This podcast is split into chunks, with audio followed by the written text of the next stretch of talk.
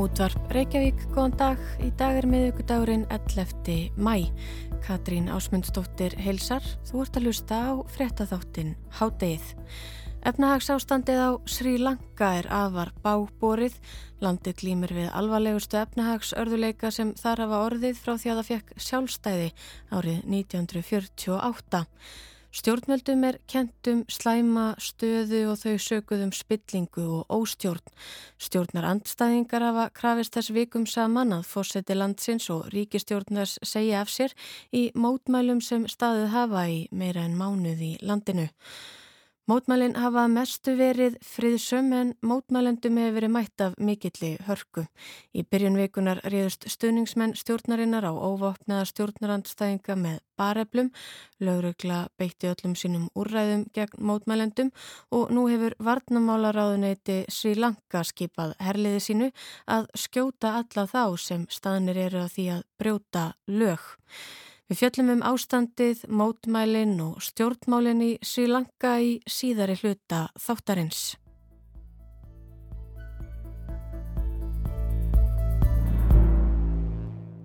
En við hefjum þáttin á allt öðru. COVID-umfjöllun frá 9. mars en þá fjallaði Guðmundur Björnum nýlega rannsókn í vísindatímaritinu Nature sem vakið hefur þó nokkra aðtegli. En í henni kemur fram að heilin í þeim sem hafa fengið COVID-19 sjúkdóminn getur dreyjist saman um alltaf 2%. Þá getur COVID haft langvarandi áhrif á minni og vitræna eða skilvitlega getu sem og lyktarskinn. Guðmundur Björn kannaði málið í kjölfar þess að hann náði sér af veirunni.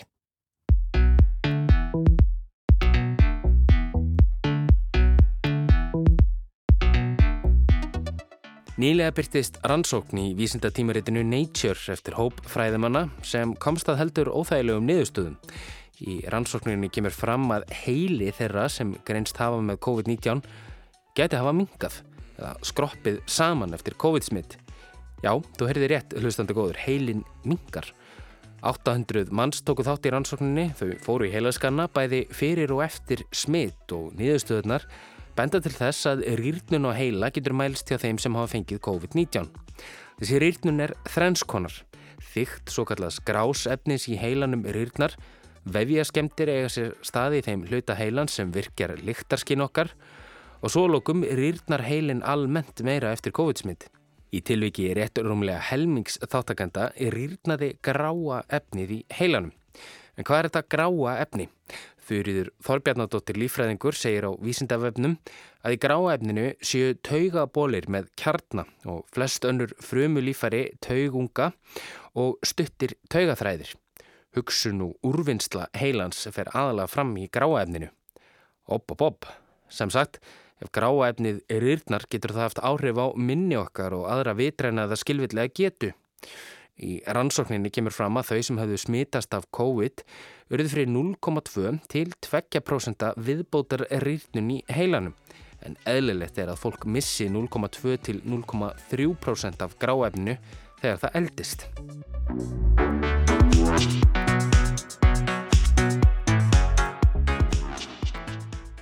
COVID-þokan sem margir bera fyrir sig, minnisleysi og sljóleiki eftir að hafa síkst af COVID er því engin mýta. Hún er vísindaleg staðrind sangkvæmt niðurstöðum Nature.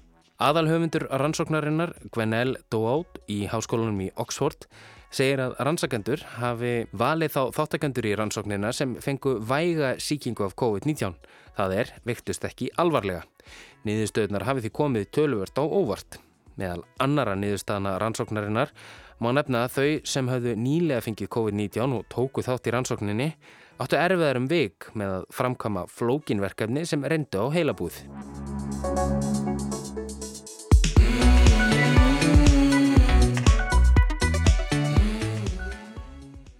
Einföldustu verk, já, svei mér þá. Þið fyrirgefi mér þó kannski þessi pistill er samingislaus. Heilin í mér geti verið alltaf 2% minni en hann var fyrir viku síðan.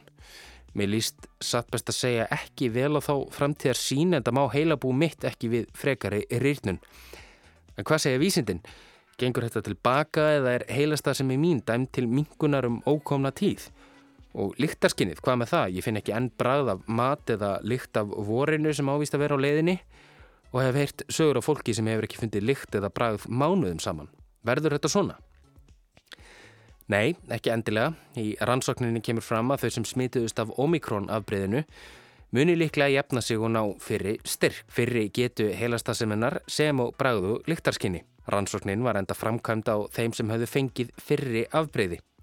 Þá voru ymsir annmarkar á rannsókninni, meðal annars er ekki vitað um langtíma áhrif COVID á heilastasemi hjá yngri aldurshópum en þáttakendur rannsóknarinnar voru á aldrinum 51 til 81 árs. Og það er, og verður að undistrykka hér, auðvitað ekkert vitað ennþá hvort áhrifin á heilan séu viðvarandi eður ei. Til þess þarf að gera frekarir rannsóknir.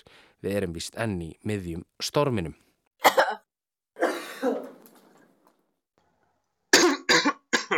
En eftir stendur svo staðrind að heimsfaraldri COVID-19 er hverginari lokið, þó svo stjórnvöld viða um heimsi farin að slaka all verulega á sóttvarnartakmörkunum, þótt fá hafi gengið að blankt og íslensk. Og við munum auðvitað ekki vita hver langtíma áhrif COVID eru, nú eða bólusetninga, fyrir en framlýðar stundir. Við getum þó vonað að þetta hundleiðilega og átakanlega tímabili mannkinn sögunni sé senna á enda, sé að renna sitt skeið.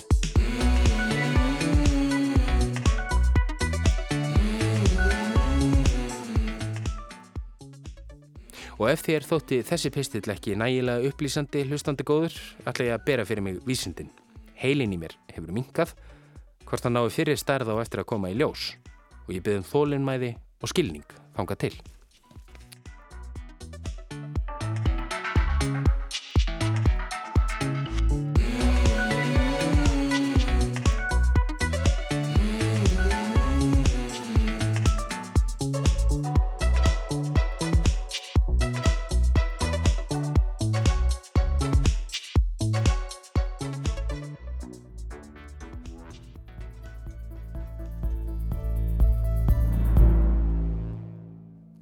Þá út í heim, varnamálaráðneti Sri Lanka skipaði í gær herliði sínu að skjóta hvert þann sem staðin er að því að brjóta ákveðin lög landsins.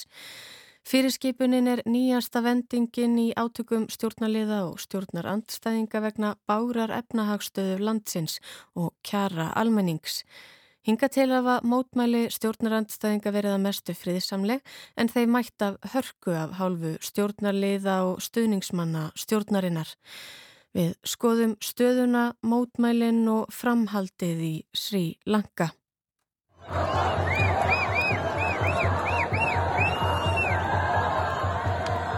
Mótmæla Alda hefur gengið yfir í Sri Lanka í meira en mánuð. Mótmælendur krefjast afsagnar Gótabæja Rajapaksa forsetalandsins og ríkistjórnarinnar allrar vegna meintrar spillingar og óstjórnar. Stjórnarliðar hafa ekki tekið mótmælum stjórnar andstæðinga þegjandi og hljóða laust. Fyrir rúmum mánuði síðan lísti fórsetin yfir neyðar ástandi vegna mótmælana í kjálfar þess að hundru mótmælendar endu að brjóta sér leiðin á heimili fórsetans. Þá gaf hann hér og lauruglu heimil til að handtaka mótmælendur og fangelsa án réttarhalda. Útgöngubanni var svo líst yfir, fyrst í höfuborginni Colombo og síðan um land allt. Í gær skipaði svo varnamálaráðuneyti Sri Lanka herliði sínu að skjóta alla þá sem staðnir eru að verki við að brjóta í báa við lög og á mánudaginn réðust stuðningsmenn stjórnarinnar á óvopnaða mótmælendur með bareflum.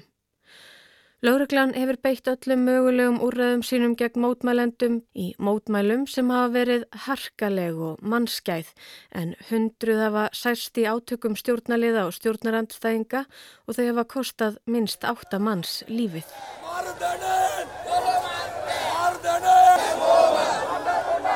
En hverju er verið að mótmæla í Sri Lanka og hverjar eru kröfur mótmælenda og stjórnarandstæðinga?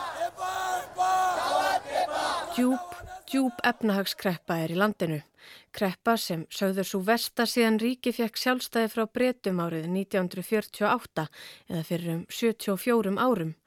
Verðbólka er í hæstu hæðum, verðmæti hlutabrefa á Sri Lanka hefur rýrnaðum hátt í 40% sem afer ári og gjaldmiðl landsins fallið um álíka gagvart dollar hrunið í verðgildi.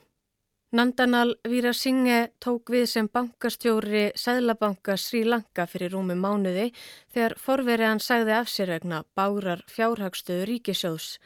Þá namn gjalderisforði landsins innan við tveimur miljörðum dollara en afborgani ríkisjóðs af erlendum lánum fjórum miljörðum í ár.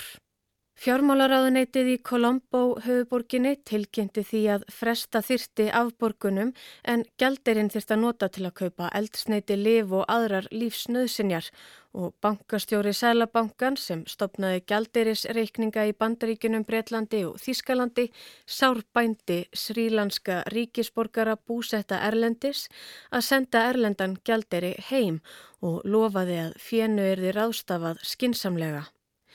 Þá hafa embættismenn fjármálaráðuneytisins líst yfir að handhafa ríkiskuldabrefa og aðri lánadrottnar kunni að tapa fjevegna endur skipulagningar fjármálaríkisins en greiðslu fall blasir við ríkisjóði. Loka hefur þurft kauphöllinni í Kolombo nokkrum sinnum vegna ástandsins Svo sem ég um hálfan mánuð í apríl þegar hef ég átti svo viðskipti á nýjundir lokmánaðarins fjall hlutabrefa vísitalanum 7% á fyrstu opnunar mínutunni svo öllu var lokað aftur í um hálfa klukkustund. Eftir það hjælt vísitalan áfram að falla, hrundi um hátt í 13% og viðskiptum var því hægt þar sem eftir var dagsins. Stjórnvöld leita eftir aðstóða utan, sendi nefnd fór á fund alþjóða gjalderi sjósins og leitaði ásjár þar við lausna á efnahagsvandanum en fjármálar á þeirra Sri Lanka segist búast við 30 miljardar bandaríkjadala stuðningi sjósins á næstu þremur árum.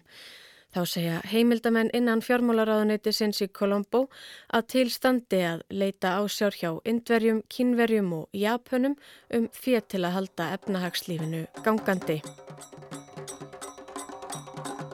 Fyrst og síðast herjar síversnandi fjármálakreppan og landsmenn og þær 22 miljónir manna sem búa í Sri Lanka þurfa líða mikinn skort, versnandi afkomu, gríðarlegar verðhækkanir og reglulegt ramagsleysi. Alvarlegur skortur er á nöðsynjavörum á borðu matvæli, eldsneiti, gasi og livjum og hart er barist um það litla sem er í bóði. Skuldug yfirvöld landsins hafi ekki lengur efni á að keira orkuver landsins og ramagsleysi hefur því verið nær viðvarandi síðastlegin mánuð. Heilu fjölskyldurnar hafa þurft að lifa og komast af við kertaljós og ramagsleysi í alltaf sjö tíma á dag. Þá segja læknar lífsnauðsynleg lif ófáanleg í landinu og læknasamtök Sri Lanka segja sjúkrahús landsins hreinlega ekki hafa lengur aðgangað innfluttum lækningatækjum og livjum. Dæmi er um að krabbaminsjúkir get ekki lengur gengist undir livjameðferð vegna skortsins. Þá hefur vennjubundnum skurðaðgerðum víða verið sleið á frest og samtökin óttast að einan skams verði ekki hægt að ráðast í bráða aðgerðir vegna ástandsins. Brátt komi að því að taka þurfi erfiðar og afdrifaríkar ákvarðanir um hverjir fái læknisaðstóð og hverjir ekki. En læknasamfélagið sem hefur tilkynnt fórseta landsins um yfirvofandi hættu ástand hefur raunar vara við því að yfirstandandi efnahagskreppan geti kostað fleiri líf en koronavirufaraldurinn. Stjórnvöldi Sri Lanka segja að reykja megi slæmt efnahagsástandi til koronavirufaraldursins og stríðsins í Úkrænu, aðstæður sem hafa valdið fjárhagslegum þrengingum í fjöldaríkja heimsum þessar myndir. Hins vegar segja efnahagssérfræðingar fleira spila inn í slæmt ástandið, segja að það við stemt í óefni í landinu áður en heimsfaraldur brast á, margra ára fjármála óstjórn sér rótin að vandanum. Almenningur sem er ósáttur við viðbröð stjórnvalda við efnahagsvandanum sakar stjórnveldum spillingu og óstjórn og kallar eftir því í háværu ákalli á fjölmennu mótmælafundum um landa allt að fórsetinn og ríkistjórnin segi af sér. Telja að aðeins þannig verði hægt að ná tökum á vandanum og fleiri meðlemið samfélagsins virðast vera á sömu skoðun. Hátt settir embættismenn og stjórnmálamenn hafa tekið undir kröfur mótmælenda, jafnvel nokkrir fyrrum bandamenn fórsetans. Upplaust ríkir innan áður öflurar samsteipustjórnar fórsetans, afsögnum ráðherra hefur reyndinn og stjórnin hefur mist meiri hluta sinn á þinginu. Vísjei Dasa Rajapakse, nú óháður þingmaður sem áður stutti fórsetan, segir að brínt sé að koma á bráðabyrðarstjórn í landinu til að bregðast við efnahagskrísunni, annars geti illa farið. Fóristumenn í viðskiptum sem tapa gríðarlegum fjármunum dag hvern, svo sem vegna eldsneiti skortsins, takundir kröfu um afsögn fórsetans og áhrifamiklir leiðtógar í söpnuði bútista í landinu líka. Þeir krefjast þess að fórsetin leysi stjórnina frá störfum og skipi sérfræðingastjórn sem geti tekið við erfileikunum. Þá fylgist flóttamannastofnun saminuðu þjóðana grant með þróun mála á Sri Lanka sem likur þegar undir þungu ámæli vegna stöðu mannréttinda. Á mánudaginn sagði Mahinda Rajapaksa fósettisráð þeirra landsins og bróðir fósettans af sér með það markmiði að liðka fyrir um að þjóðstjórnirði mynduð. Fagnarlæti brutust út um stund meðal mótmælenda í kjölfarið sem heldur svo áfram mótmælunum enda krafan svo að góta bæja Rajapaksa fórseti láti af ennbætti. En mótmælendur virtu útgönguban stjórnvalda að vettugi, ollu margskonar eignarspjöllum og kvektu í húsum þingmanna og ráðherra og stjórnarbyggingum Ráðist var að tveimur stjórnarþingmönnum sem vörðu sig með skotvapnum og örðu tveimur að bana. Annar þingmannana svifti sig lífi í kjölfarið. Þá særðust næstum 200 í óerðunum í höfuborginni nú bara á mánudaginn. Fjöldi fólks var handtekinn á mótmælunum og einhverjir segjast hafa verið pintaðir í haldi lauruglu. Allt sögð svo upp úr þegar vopnaður stöningsmenn fósittis ráðherrans réðust að stjórnarandstæðingum. Öryggisveitir urðu að koma fósettisráðuranum fyrfirandi í örugt skjóli gær eftir að andstæðingar hans gerðu áhlaupað opinberum hýbílum hans og þá eru ráðherrar og þingmenn farnir í felur vegna ástandsins og hafast nú við í herstuða því talið er og hernum hefur verið skipað að skjóta alla lögbrjóta sem staðnir eru að verki við lögbrot á borðið að ræna varningi úr verslunum, kveikja í húsum eða bílum eða vinna skemdarverk. Búist er við að ástandið vari og jafnvel versni þar til fósettin fælst loks á að segja af sér. Geri hann svo er þó óljóst hverjir taki við stjórnartaumunum í Sri Lanka en búist er við því að einhvers konar samsteipu, sérfræðinga, þjóðar eða bráðabyrðastjórn verði mynduð sem geti tekið á efnahagsvandanum og vonandi lægt öldurnar í landinu. Það á eftir að koma í ljós eins og fleira en Larry Elliot, hagfræði bladamadur The Guardian, segir málið stærra en svo að hér sé aðeins um vanhæfa ríkistjórn eins lands að ræða og spáir því að aðstæðunar í Sri Lanka séu aðeins byrjunin á því sem sé í vændum. Sri Lanka sé fyrsti dominókaupurinn sem falli af mörgum vegna yfirvofandi heimskreppu og efnahagsörðuleika í kjölfar heimsfaraldurs og stríðsregsturs rúsa. Kanarífuglinn í kólanámunni.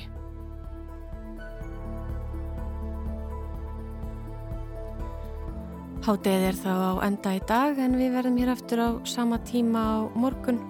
Þátturinn er einni aðgengilegur í spilaranum og hlaðvarpsveitum þá er þetta að senda okkur post með ábendingum á netfangið hátdeið hjá rúf.is.